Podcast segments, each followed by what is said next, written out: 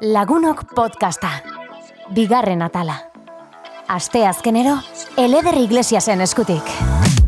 Kaixo lagunok, zelan zaudete, ongi etorriak lagunok podcastera, gaur ere badugu zer esan eta zer kontatu. Lehenengo gonbidatua dugulako estudioan. Bera handere lordui da eta hogeta hir urterekin urte eta erdi eman zuen Ego Amerikan bakarrik ezagutu nahi. Bagoa!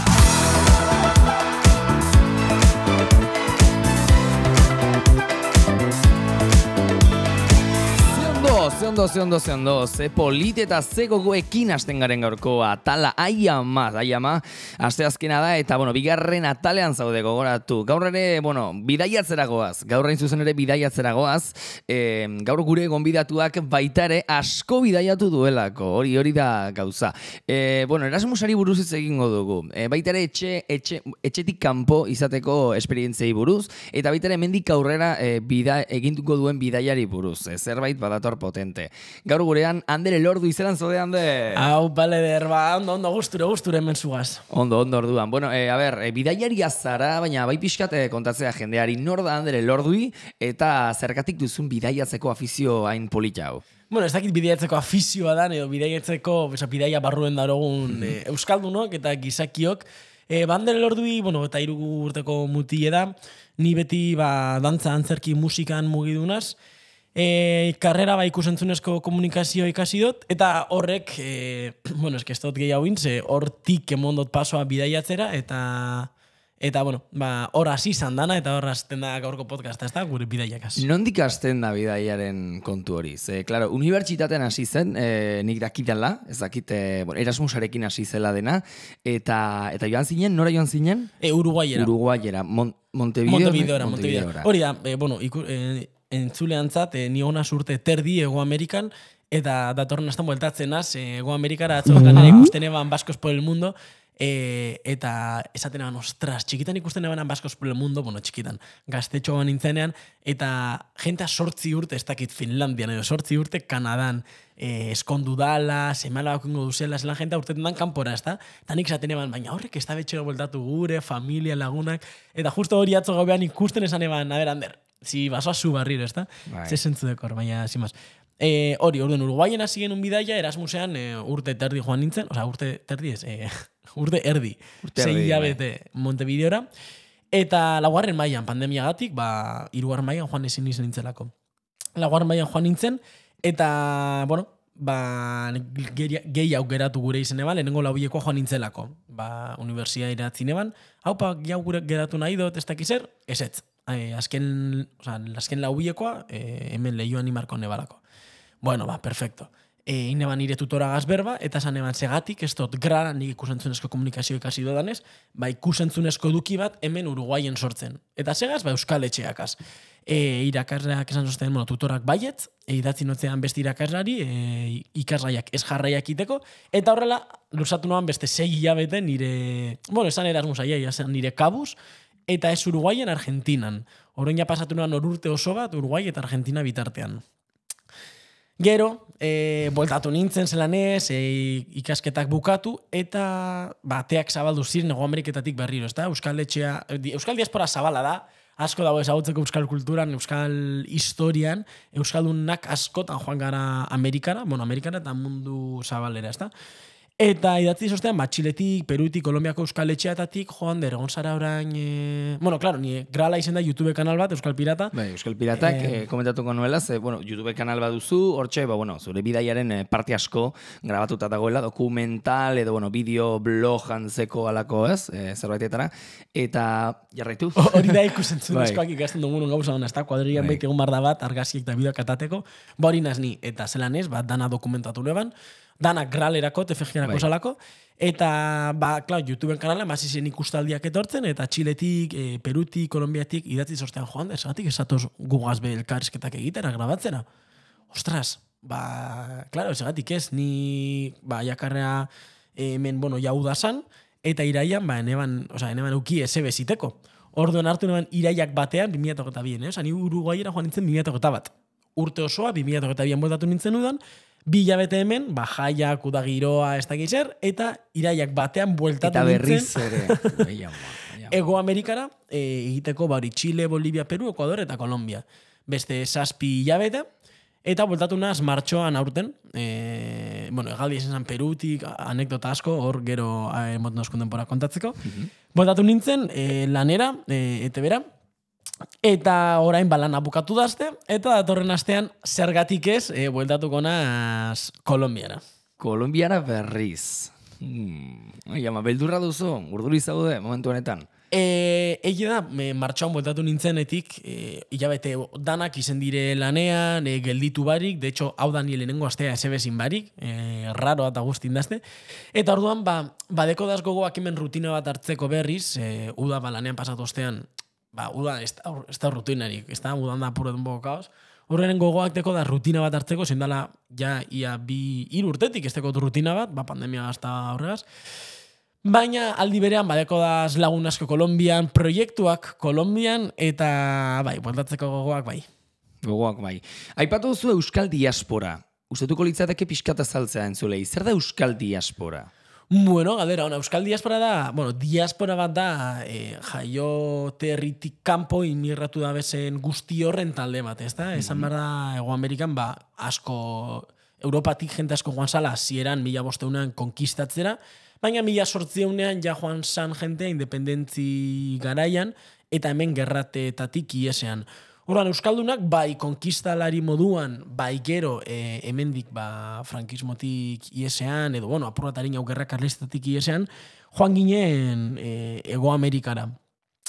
Orduan, gaur egun, Uruguaien sortzi Euskaletxe dauz, e, Txilen iru, baina Argentinan larogeta mazazpi Euskaletxe dire. Argentinan larogeta mazazpi. Ai, Argentina ama. da, eh? Abioian goitik bera, lau ordu terdi izango dire. Ah, ikustako, zama, dimentzino, baina... Bueno, munduan dauzen da laro eta mazortzi euskaletxe.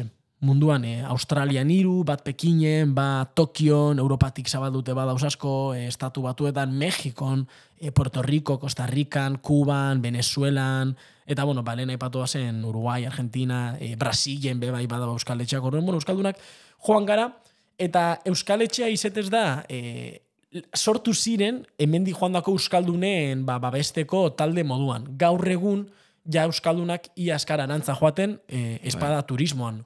Orduan, gaur egun euskaletxeak mantentzen dabez, e, ba, euren familiarrak, e, ba, txikitan euskaletxera ba, aitagaz, amagaz, e, aiton amonakaz joandakoak, ba, mantentzen dabe, eta dire, ba, kultura, euskal kultura ikasteko, helarazteko, ezagutzeko, e, modu bat. Eusko jaurlaritzak finantziatzen deuz, Ah, bai. urtero milioi eurotik gora, milioi bat eurotik gora, e, bidaltzen dugu munduko diasporara, eta hori baiten dabez euskara ikasten dabe, euskal dantzak, gastronomia, ba, euskal jatetxak irekitzen dabez, euskal astea, Argentinan, e, boizen ezaguna dana, ba, hori da euskal diaspora. Hori esango nuke, e, pixkate guk ere ulertzeko, e, esan dezakegu Euskal Etxe bat izan daitekela, ba, Bizkaian dagoen txoko edo Gipuzkoan egoten diren soziedade antzeko batzuk.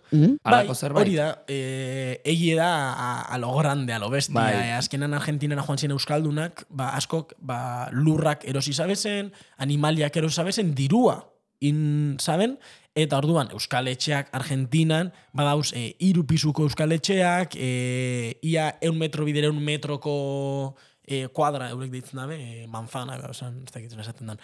E, eraikin, eun, eun metro bidere eun metroko eraikin handi bat, iru edo lausolairugaz, frontoia barruen, e, badau euskaletxeren bat, e, hipodromoa, eta gimnasioa dekona, me, gimnasio e, polikiroldegi moduan, eh? Osa, herriko e, kiroldegia makatxinen. Orduan, bueno, euskaletxeak, ez dire txoko soiak, leku askotan, badire jatetxea, badire... Kasi, kasi, zentro Maximizatua, hau Bai. da, a lo grande. Eh, ados, eh, Euskal Etxeetan orduan Euskaraz egiten da hori da galdera, ez? Eh, Euskaraz egiten da? Edo, edo bakarrik Euskal kultura zabaltzen da, hori da galdera. E, Argentinan adibidez, Argentina Uruguaien, euren euskal jatorri askoz gertu hau dago. Orduan, askon gurasoak edo aitona monak euskaldunak ziren, eta kasu askotan e, euskera ikasi dabe etxean.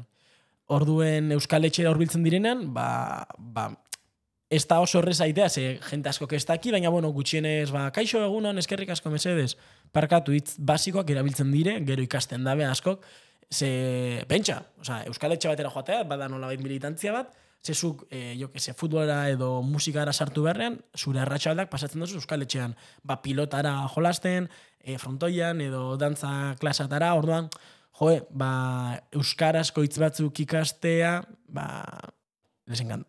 Les encanta, eta bueno, erabiltzen dabe, eta soazenean, eta haupa, kaixo eguno, ontzen moduz, gero, klar, ez da, ez da bejarraitzen, ez da kielako, baina, bueno, e, leku askotan inalda euskeraz. Zer irudi du e, Euskaldun, bueno, Euskal Etxeetan e, ibiltzen den Ego Amerikako norbait? E, zer nolako irudia du? Jak, jakiterakoan Euskal familia izan duela edo bera ere Euskaldun sentitu aldela behar bada? Ba, behitxu, segun herrialdea. E, azkenian, ulertu behar da, zein izendan Euskaldunon e, arako joan etorria, e, eta adibidez, ipar, Ego Amerikako iparraldean, Kolombia, Venezuela, Ecuadorren, bertara joan doke Euskalduna joan ziren mila bosteun, mila zeion garren urteatan, konkistari moduan, orduan badauz ikusita, como el blanco conquistador español. Baina, adibidez, Uruguay, Argentina, Txilen, azkeneko imigrazioak mila sortzion, mila beratzionean, joan ziren jai, independentziatara, eta independentzietan, bueno, ez dakit laguntzera, baina, bueno, no hacer lo contrario, no hacer el mal, orduan, e, Euskaldunak beti ukin deu, eta deko gaur egun e, Uruguay, Argentina, Txilen, fama hori, ez da, e, langilea, la palabra de basko, ez da, e, hori asko, asko, asko erabiltzen da, eta zuk Euskalduna esaten badozu zarela, incluso Beto, ¿no? ¿De dónde eres? Ah, che, sos gallego, no, soy vasco. Ah, sos vasco. ¿Sabes, ¿sabes que mi abuela era de Irún? ¿Cómo que tu abuela? Sí, porque yo soy eh, Juan Manuel Echezarreta. Ah, wow. Eta hori geratzen da, Argentina, asko, asko, asko, asko, asko, mundu guztiek deko nonore euskaldune. Eta zure ongi etorria nola izan da, Ander? Euskaldun bezala, e, horra iritsi, bai erasun sarekin edo geroago gindako bidaian, nola izan da, e, nola jaso zaitue? Bueno, esan barra da, e, alde horretatik Euskaldunak garela nahiko itxiak eta latinoak, baiako hiela fama de ser más abiertos, más... Eta Holanda, Holanda, eurek, e, oza, ez problemarik zure txean sartzeko, beti eta konfiantza dauen bitartean, nik nire bidaia, so, oza, hile urte eta saspi sortzi jameteko bidaia hau indot dana, joanaz programatzen, ez da? E, nintzen iristen Euskal Etxera, kaixo, e, handernaz, oza, nik eurekaz e, kontaktatzen eban, ba, bila bete lehen hau, hau, pabitxoa da nire proiektu, Euskal Pirata, ez dakiz zer. Orduan, generalmente, hiri batera heltzen nintzenean, norbaitek batzen sosten. Orduan, Euskal Etxea, egonda informatuta nire torreraz, eta askotan ba, afari bat nigaz, edo nik eurekaz prestatu benga, ba, ingo dugu euskera klase bat, ingo dugu e, euskaldantza klase berezi bat, ingo dugu ez dakizer. Horan etorrerak beti oso onak, ze eurentzako ba, euskaldun batara joatea, ba, bada berezia be bai. Orduan, eh, esan didazu, ongi etorria ona izan dela, eta mm, zer eraman duzu, zu kortik? E, suposatzen dut, harremanak, baina baita ere, zer, zer ematen dizu e, Ego Amerikara joateak? Ego Amerikara joateak edo, bueno, e, oge, ni joan nintzen ogeta bat urtegaz, orduan ogeta bat urtegaz dekogun eldutasuna, bueno, ez da masazpigaz dekosuna, baina ez da gero berro da margaz ukingo dozun, orduan bakarrik bidaiatzeak emondozte e, gehien, ez da? E, motxila hartu eta ez dakizun hori iritsiko zaren, Bueno, bai, Euskal Etxe batera, badakizun nor baitek irikiko dotzulatea, badakizun nor, baina ez da ezagutzen benetan. Ez dakizun lako adan hiri hori edo herrialde hori, eta bakarrik bidaiatze horrek e, emondoste dutasun puntu bat. Gero da, ba, Euskal Etxeakaz joatean, ba, emondoste lagunak, emondoste Euskal Diaspora eta Euskal Kulturan inguruan beste ikuspuntu oso ezberdin bat, e, bakarrik bidaiatzea izan da gehien e, elikatu nahuena, ez da? Bakarrik bidaiatze horrek, emondoste. E, zein da zure, zure lagunen eta zure familiaren iritzia honi? Ze, klaro, motxila hartu eta bakarrik munduan zehar e, ibiltzea, inolango, bueno, bai, esan duzu prestakuntza bat dagoela, baina pixkatere improvisazioa suposatzen dut motxilan ere emango duzula, zure bidaietan, ez, behar bada ba, minimo batean ere. E, zein da hien iritzia? A ber, azkenean bidaia, bizitza honetan bidaia bakoitzarena da, eta nik hori beti izten dut argi, ezta? E, bai laguneri, bai familiari, Beitxu oso guzturen hau, eta beti lasaitzeko esaten dut ez, nik Euskal Herrian biziko naz. Osa, nik hemen dekot bizitza, eta nik hemen dekot, osa, Ego Amerikan iten dudana da Euskal kultura gat lanean jarraitu, baina Euskal kultura maite doalako eta Euskal militantean nazelako eta Euskal Herrian biziko nazelako. Orduan hori izten dut beti garbi, ezta? Bai, oin Kolombiara noa, baina ama lasai enaz, ma, esnaz maite minduko, eta maite mintzen banaz, ekariko donantza, e, nire bizitza hemen ingure doalako. Eta gero, ba, azkenan penagaz, ez da, e, ba, zure semea, badoa etxetik kanpo, e, inoz egon esaren herrialdetan, eta bertatik jasotzen duzun informazioa gehienetan izaten dalako, ba, ez oso optimista beti ba, ilketaren bat, edo atentaturen bat, edo... Eta ez dire holan benetan, oza, Kolombia ez da, bada arriskutsua, baina nik ez dut eukin inoz problemarik eh, Kolombian, eta eta jenta da oso jatorra, orduan beti izan dut hori argi, ezta? Ni banoa bueltatzeko, eta lasai zen noan tokira eh, ondo zainduko naute, eta ondo zainuk, zainduko nazni. Orduen, ba, hartu motxila eta torri nigaz. E, animatzen dituzu haiek e, zurekin joateko bidaietara edo... bai, animatzen doa zure kasko, eta animatzen dut mundu guztia bidaiatzera. Hartu motxila eta azketan beldurra gaz be, e, jokatzen dugu, baina beldurra da gure bizitzan ez da, gauzarik interesgarriena, gure beldurrei aurre eitea, komodidade horretatik ateratzea, eta gu nor garen deskubritzen jarraitzea. Hori da bizitza, eta e, hemen ikusten dut jende asko, ba, eta e, lizitoa da, eh? baina jentea geratzen danean bere etxean, ba, bizitza guztireko, heldutasuna lortzen da beste bide batetik, eta autosagutza beste bide batetik. Baina kanpora bideiatzen zoazenean, hori dana dator de sopleton, dator dana ganean e, konturatu barik eta jokatu bar dozu askar. Eta horrek ben dutzu beste bizitasun bat, eta beste ikuspuntu bat. Eta munduan dauzen beste kulturak, beste, beste gizarte talde batzuk, beste bizitzeko modu batzuk, eta mundu ulertzeko beste modu batzuk ikustea, ulertze eta bereiekin harremanetan jartzeak be, emoten dutzu zuri munduarekiko beste ikuspuntu bat, zure e, pertsepzioa ulertzeko beste ikuspuntu bat, eta beste begira bat. Eta uste hori dela importante. Eta horretik mundu guztiari, zuri be esaten dut, bidaiatzeko, ez da lehenengo aldi esan dotzu dana, eta errepikatzen dut, eleder, hartu motxila, eta aprobetxatu, aprobetxatu. Bueno, ikusiko dut, ikusiko dut. Pentsatuko dut, eh? Pentsatuko dut. Orain arte egin duzun bidai honetan, eh, Ander, eh, bai gustatuko litzateke galdetzea, ea beldurra pasatu baduzun. Ze, bai esan Bai. dugu, eh, noskitena oso polita ikusten dugu, baina suposatzen dut ere bere alde txarra ez, edo pertsonala den beldurra hori ere izango duzuna, ez? Asko, asko, asko, asko. Ointxe, eh, Kolombiara joateko, badekot beldurra, ze azkenean, zure etxaitik kanpo zauz. Ez da zure komodidadea, eta nik badakit nora heldu orain Kolombian, baina alan dabe, eh, nik gauza batzuk kontrolatu aldoaz, baina beste gauza batzuk ez. Eta horren beldurra beti, beti eh, dekot presente, baina horrek ez tozte galarazten aurrera jarraitzea. Osa, nik aurrera jarraitzen dut, beldurrak saiatuz, ba, gainetik pasatzen, Baina normala da beldurra ukita. Osa, beldurra dekogu dana. E, bikote bat dekosunan, beldurra dekozu, ba, igual kompromisoa, e, lagun berriak, edo unibertsitatera sartzen zarenan, ez da? Jo, jente berria, klase berria, gero dana doa superondo, edo ez. Baina askotan, guk, bain, guk uste baino hobeto joaten dira gauzak, eta hori da polita, ez da? Baina beldurra bai, beldurra, eukin bar da beldurra. Zure ikuspuntua Europatik aldatu da, Ego Amerikan zoenetik, eh, aldatu da zure buruan Europako bizipenak, eh, Europan bizi dugun eguneroko hori, nola ikusten duzu? Aldatu da? Bai, guztiz, guztiz, guztiz. Eh. Zertan adibidez? Dara, e, bizitzeko eta pentsatzeko dekogun modua hemen Europan bada, mm, zuk badakizu urteko egun guztietan gozaldu, afaldu eta bazkalduko dozula. Gutxinez hemen e, nire inguruan, nik badakin nire inguruko guztiak gozaldu, bazkaldu eta afalduko da bela urte guztian zehar. Eta horrek motetu segurtasun bat, etorkizunan planak egiteko. Zer gertatzen da, zu e, biz, urbarik edo ura lortzeko zailtasunak deko zuzenean. Edo jateko zailtasunak e, deko zuzenean. Ja ezin duz planak etorkizunera egin, edo gutxienez ez etorkizun luze batera, ez dakizu bihar bizirik egongo zaren. Osa, ez dakizulako bihar bizirik egongo zaren, edo ez. Eta hori da, nik bizi izan dodana, adibidez Kolombian egon nintzen Guajiran iparraldean, bo- oinboltatuko gara, e, in, e, komunidade originario bategaz lanean, eta ara ura ez da heltzen. Hartzen damen, ura da enpresa batetik ataten dan ur zikina, euneko geta marra, soilik da potablea, eta aurrak ikusten dozuz danak pustute, e, fin-fin, horren zein da aur horrek ukin aldaben etorkizuna, ose etorkizunan pentsatu aldabe eurek, ezta? E, dutxa, dutxa, Ego Amerikako ia leku danatan, ukindoan dutxa da ur hotza eta ur gitxi. Orduan, ezin zara, dakite, amabos minutu urrazpien egon ur beroa, ez talako existitzen hori. Leku askotan, eh? Osa, beste bat, leku batzutan bai, jente beratxa badau eta inbertitzen duen jentea badau, baina bestela, jente normal antzako dutza, dutxa beroa, ez da normalena orduan. Ona etorri eta nahi dozun dutxa hartzea. Nahi dozun lekuan gozaltzea. Nahi dozuna eta nahi dozunarekin horrek dire askatasun asko.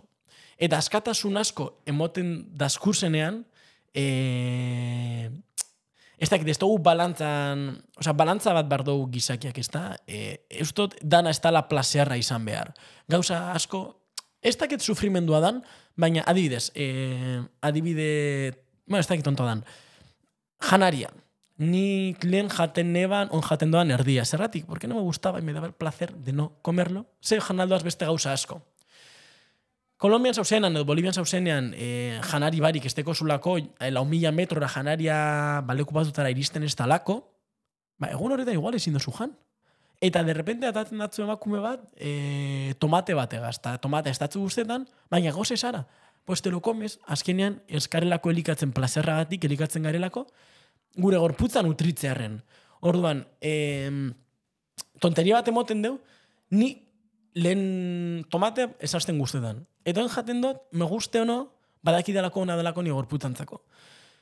Artu hotzet ja guztioa eta ja no sufro por comer tomate, tomate, e, are gehiago, ja zidazte guztetan, jaten dut tomatea, ba, bakarrik, esagar bat izango bat esan moduen, ez da? Baina, ikusten dut jente askok hemen ondino janari hartzen dugula placer moduan, eta euskaldunok asko sobre todo. Eta bai, batzutan placer moduan hartu aldugu, baina beste batzutan kontuan hartu behar dugu baskaria, oza, janaria dela gure gorputza elikatzeko. Ez ondo pasatzeko edo irribarre bat ataratzeko. Que sí, que está bien, batzutan, ba, goaz, familia gaz, derroche, venga, e, txuleton, zagarrotegi, ez dakiz, vale. Baina ezin da beti horan izen. Eta berdin dutxagaz, berdin harremanekaz, berdin guk oin, ba, gure familia ikusi aldugu nahi dugunean. Horrean, jo, ba, mama eta etite, ba, joango naz bizitatera, bastoetan ez, atornan edo lenguzukaz geratuko naz, ba, datorren nilean, ze, hori ongo direnez, ez dakean ez ezer gertatuko. Ez dituzu baloratzen, Claro. bada. Eta hori falta dan momentuan, azten zara gauzak baloratzen. Bai janaria, bai dutxa, bai harremanak, bai interneta, interneta. Osea, e, leku askotan han internetik ez dago, eta la tonteria de, a ver, Google Mapsen non nago, eta no, no te carga. E, no te carga el mapa. Edo, ba, biadeko WhatsApp bat edo argazki bat e, familiari ikusteko non nauen, ba, ezin dozu behar ez dago internetik. Eta, da una tonteria, baina hemen deko guain, deko guain oituta, eta hain barneratuta, gure bizi estiloan, non gauza horrek e, oza, galtzen dabe balorea. Eta hori ezin da gertatu, hori ezin da gertatu. Ander, zu e, zuri, turista bezala, e, zuazenean zure irudia nola ikusten dute handik? E, galdetu dizuten horrez bait, Eu- Europari buruz, edo modu batez, nola ikusten zaituzte zuri? Ego Ameriketatik dauen ikuspuntu Europan inguren bada oso ezberdina, ez da? Europan badeko eurocentrismoa, eta orduan Europatik kanpo dauen guztia urrun dau, e, urrun geratzen dazko eta joaten bagara izango da como turistas, momenturen baten gure bizitzan amarregun, eta jazta. Aldiz, Ego Amerikatik zelan ikusten da Europa, ba, eurentzako bada elmuga bat, eurentzako bada mm, ez dakit, eh, ametxetako mundua, baina arazorik ez da mundua, mundu guztiek dirua deko, mundu guztie eh, aberatsa da, orduan puntu horretatik hasita, ez leku danatan eta ez danak, eh? baina modu generalean. Orduan, mun, puntu horretatik ikusita, Egia da Uruguai, Argentina, Chile, berriz, eh, koloni, bueno, koloniak ez, ja emigrazioa beran, berantiarra izan salak, zanez, ba, askok dire eus, eh, Europarren jator, oza, Europar jatorria dekoi, orduan Europa ez da guain urrun, eta eurentzako Europar turista bat ez da arraroa. Bolivia, Chile, oza, Bolivia, Peru, Ecuador, eh, Kolombian badauz apur bat, eh, ez dakitan zurietatik banandu hau, eh, euren jatorria badalako beste bat, eta adibidez Bolivian bai sentitu neban turista izetea etzala, osea, turista moduen enin duten ondo tratatu, e, azkenan e, Europako zuri abera, aberatsa zarelako, eta emoten du basoa zela beraien gana, ba, Barra egitera, edo modu batez... E, Bai, en plan, behitxu, ni etorrian lan, nik aprotxatu aldo, nik e, itxaldot hemen dekoan dirue, baina zuek ezin zarea zuen herritik atara, ez zulako autobus horrentzeko diru bet, ezta? Orduan, ba, herrialderik herrialdera aldatzen da. Brasilek hartzen dugu turista asko, urtero, orduan, klar, Rio de Janeiro soaz, eta turista bat ez da raroa. Baina, klaro, Amazonaseko herri galdu batera basoaz, ba, turista bat bada arraroa. E, baina ikuspuntuak dira aldatzen direnak. Azkenean, eurek ikusten dabe, euren, pla, euren satia dauela gurean azpitik. Ez dut uste holandanik, eh? E, guk baino gauza askoz gehiago deko ieselako. Igual ez ekonomikoki, baina bai e, heldutasun, beste heldutasun maila bat, beste pentsatzeko modu bat, eta bizitzeko beste ikuspuntu bat. Hemen, esteko guna, ba, lehen esan dugun guzti horregatik, ez da? Ez dugu dana komodidadea da, ez Bai. dugu sufritzen, ez dakit hitza sufrimendua dan, baina hori, e, dana da, dana aurrera doa, dana komodidadea da, eta orduan ez dugu gauza txarrik bizitzen, osea, gauza txarriz bat izan alda, ba, gure bikoetak itxi dozku, vale, edo arazo psikologikoak, ez dut sartu nahi, baina adibidez, e, Go Amerikan nabaritu dut gitxi hau e, dauela, jente gitxi hau joan, joaten da psikologora, e, jo, menon fregao me estoy metiendo. No, be- behar bada, hien bizitza bestera batera delako, eta azkenean, ba, haien egunerokotasunak ez duelako hainbeste ez, e, buruan e, hainbat bueltei, ez, hainbat gaiei barkatu bueltak emateko. Behar bada horregatik izan daiteke, ez dakit. Bai, eh, ez dakit, bai, bai, bai, azkenan eriotza badau presenteago, orduan egunero bizitzeko grina, egunero aurrera Be, egiteko. beste eta- ideia batzu daude, baita ere, beste Bai. gauza batzu pentsatzen dira azkenean. Orduan normala da, ba, Europan bizi garenok ez, ba, beste gauzei erreparatzea, eta, joe, azkenean, e, irugarren mailako mundu batean, ba, beste preokupazio mota batzu daude, eta e, osasun mentalak izan aldu, ba, ez dago orden batean igual lehenengoa, ez? E, aurretik ba, beste, beste bizipen eta beste e, behar batzu daudelako. Efectivamente, efectivamente. Arritu nauen, arritu sosten gauza bat izen zen, e, jenteak estekola beldurrik bidaiatzeko Amerikan.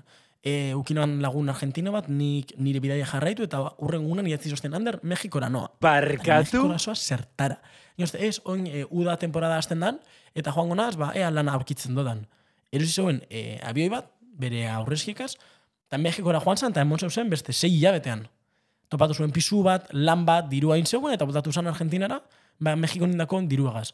Eta hain e, Australiara joango da, ez bera bakarrik, eh? Argentina asko zautzen doaz Australia doazenak, ba, bizitza topatzera. Eta hemen, hori, e, ez dugu pentsatzen Europatik ateratzea bizitza bat azteko edo lan aurkitzeko edo dirua egiteko, ezta? Gure bizitza hemen da, orduan ja hasten zara zure bizitza planifikatzen, ba etorkizun erarte non nahi dozu etxea, ze etxe, ze familia, baina han apur bat gauza gertatzen dira al instante, egun baten hemen zauz, eta urrengo eguna, nahian joan zara e, jo que se, Costa Ricara e, turismo agentzia batekin e, snorkel egitera, jo que se. Horran hori bada gauza interesgarri bat, ze bizitza bizitzen dabe beste ikuspuntu batetik, ezta? E, aventureroago e, askok nahi dabe Europara etorri, uste belako hemen bizitza asko sobea dela, e, diru gehiago dekogula, osea, diru gehiago irabazten dalako, eta e, txampon estable hau bat dekogulako.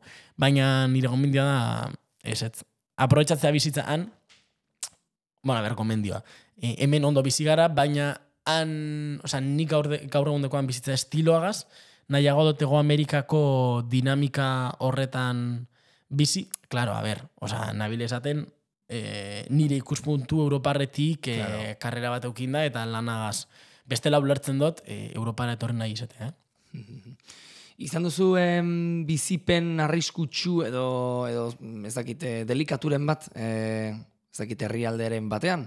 Ikusi Bai. izarena pixkate esatea amatxu maitia, etzera bueltatu nahi dut. Bai, bai, e, azkenan bakarrik bideiatzen dozunean, osea, Euskal Etxetik Euskal Etxera noanean, ondo Euskal Etxeko jenteagaz nahuelako, baina beste batzutan, ba, Machu Picchu ez dago Euskal Etxea, orduan horrelako bidaiak bakarrik indo da, segonaz, ba, asteak bakarrik Euskal Etxe batera iritsi arte, eta bidaia horretan ukindo daz, ba, sustoak. Sustoak, baina, bueno, e, donorko ukin aldo zen sustoak hemen be bai, eh? E, adibidez, Bolivian, e, Copacabana irian, egon nintzen, ba, ez dakit, lau mila biztan leukingo dauz, e, errepide, bi hiru errepide dauz, ez dauz, ez dauz gauz asko, eta joan nintzen hostel bateran ni bakarrik. Bueno, perfecto, ez da turismo garaia, ba, hostelan ni bakarrik.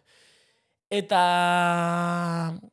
apurbet erritik erdi urrun, osea, ez da esan zentroan egon, gaueko ordu bietan, esnatzen dozte e, aurki golpe batek, edo ez dakit aurki esan, edo atean, edo norbait sartu zan behan. Mm? Eta hasi ziren, e, e, osea, norbait behan sartu zan, eta bronkak hasi ziren, e, aurkiek e, bota ziren elkarri, osea, bueno, sarat handie, oiuka, e, goizeko lauretan. Zeiten dozuzuk, goizeko lauretan, goizeko irurak. Bueno, e, goizaldean. Ni tranquil, tranquil, lon habitazioan, eta bapatan sartzen da norbait, dendana, E, bueno, oza, dendara. Bai, os, eh, ostalera, ez? Edo, Joder, bai.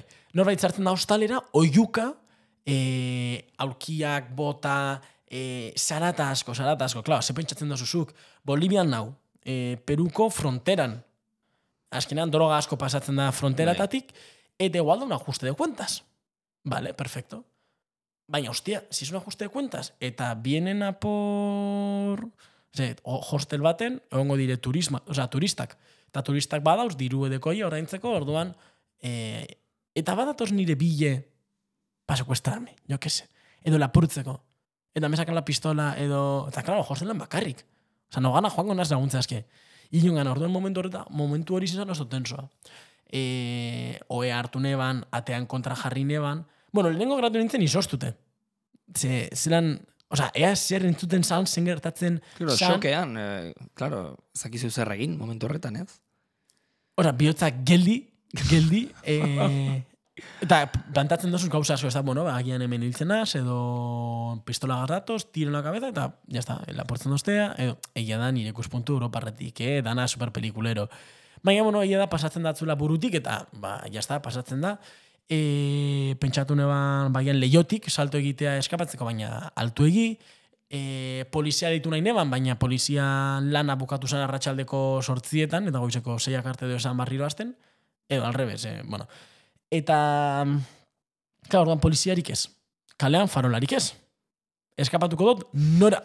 Hemen lau mila herriko, oza, lau mila biztanleko herri honetan.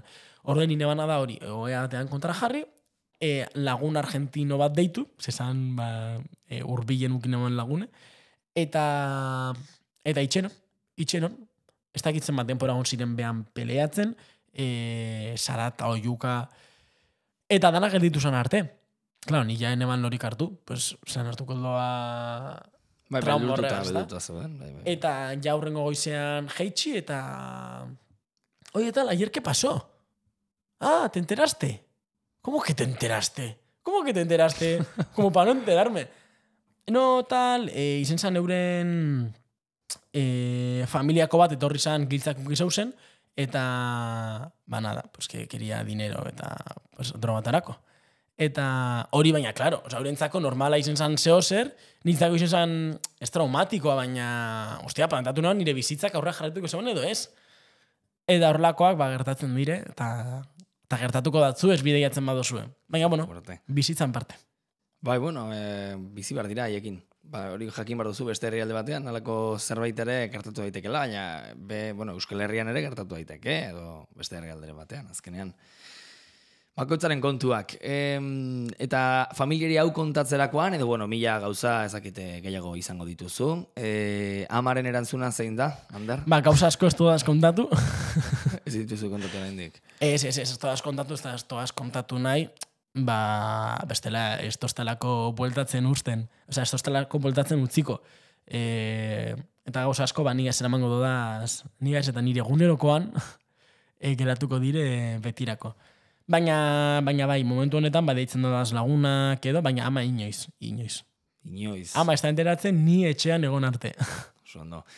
Orduan, mendik aurrera komentatu dugu hasieran, e, baz, e, bazoaz, egun batzuk bakarrik falta dira e, egazkin bat hartzeko, e, Madrid bidean, ez banaiz erratzen, eta hortik nora nola izango da, zenolako elbide, ibilbidea duzu, airetik. Ba, e, Kolo, Kolombiara noa, Medellinera, egia da aurretik dala Madrid, Monterrey, Monterrey, México, México, Medellín, egazkin merkeena.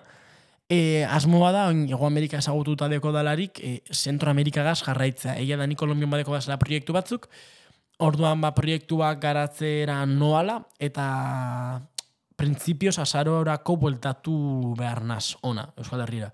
Orduan esteko tempora asko, hilabete terdi. Joango naiz, ba, aldia. E, lehenengo Kolombiako proiektuak gauzatu, eta gero ea Venezuela joan naiteke, Puerto Rico, Kubako euskaletxeak ezagutu, eta Costa Rica arte iritsi.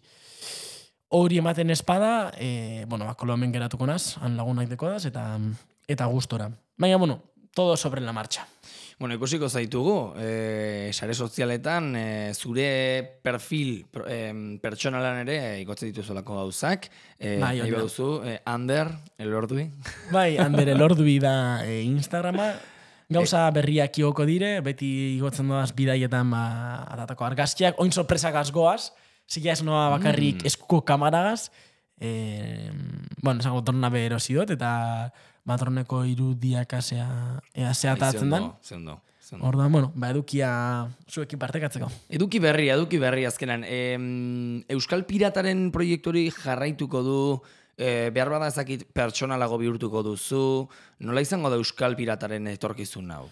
Ba, Euskal Pirata oraintxe bertan YouTube kanal moduan soilik existitzen da, Bai. asmoa da hortik atera eta ba, sare eramatea.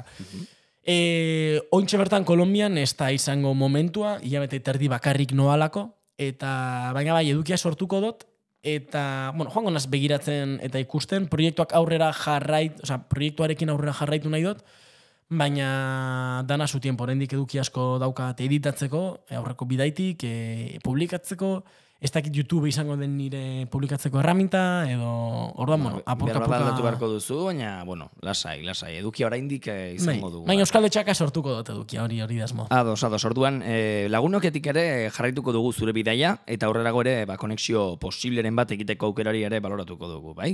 Bera, Zander, e, ea ba bidaiarekin zer moduz, eta ere bai animatzea jendeari ez, motxilartzera, eta mundua ezagutu lagunok e, joan zaitezte, hainbat leku daudera indik deskubritzeko, eta handerren gomendioak jarraituta, ba, seguru bidai polita sortu dezakezuela. Baina mila esker zuei ere gurekin gaur zuen denbora partekatzeagatik. Gogoratu, hau lagunok podcasta da, bidaiatzeko eta askoz gehiagorako urrengor arte, bagoaz!